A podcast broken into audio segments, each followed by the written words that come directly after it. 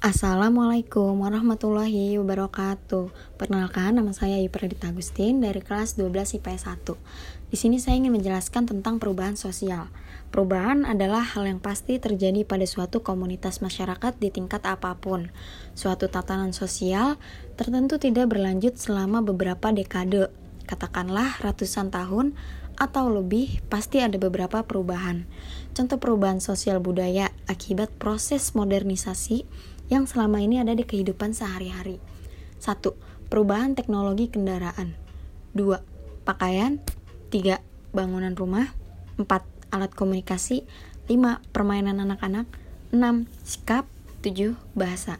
Bentuk-bentuk perubahan sosial juga dibagi menjadi beberapa jenis. Berikut penjelasan dilansir dari modul pembelajaran sosiologi Universitas Negeri Yogyakarta. Perubahan sosial secara lambat, perubahan evolusi terjadi dalam waktu yang lama, secara perlahan dan bertahap, melalui proses evolusi. Perubahan sosial secara cepat.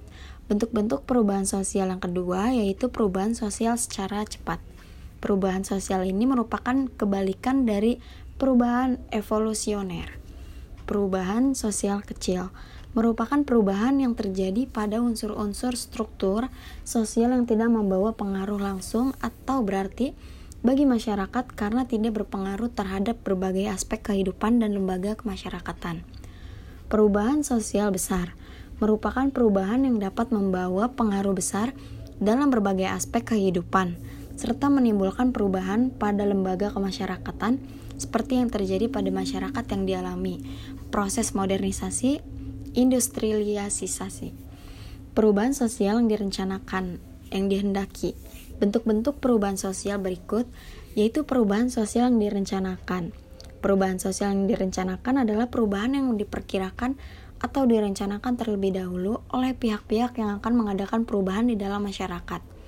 Pihak-pihak yang menghendaki perubahan dinamakan agent of change atau agen perubahan, yaitu seseorang atau sekelompok orang yang telah mendapat kepercayaan masyarakat, seperti pemimpin, dari satu atau lebih lembaga-lembaga kemasyarakat serta memimpin masyarakat dalam mengubah sistem sosial.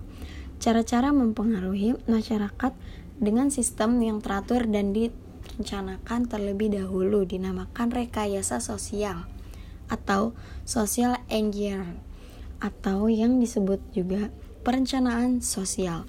Perencanaan sosial yang tidak direncanakan atau tidak dikendaki Bentuk-bentuk perubahan sosial yang terakhir yaitu perubahan sosial yang tidak direncanakan. Merupakan perubahan yang berlangsung tanpa direncanakan atau dikendaki oleh masyarakatan dan di luar jangkauan pengawasan masyarakat. Konsep perubahan yang dikendaki dan tidak dikendaki tidak mencakup perubahan. Pengertian apakah perubahan? Perubahan itu tadi diharapkan atau dia diterapkan oleh masyarakat karena bisa terjadi perubahan yang tidak direncanakan atau dikehendaki ternyata diharapkan dan diterima oleh masyarakat. Misalnya, pada reformasi yang terjadi di Indonesia,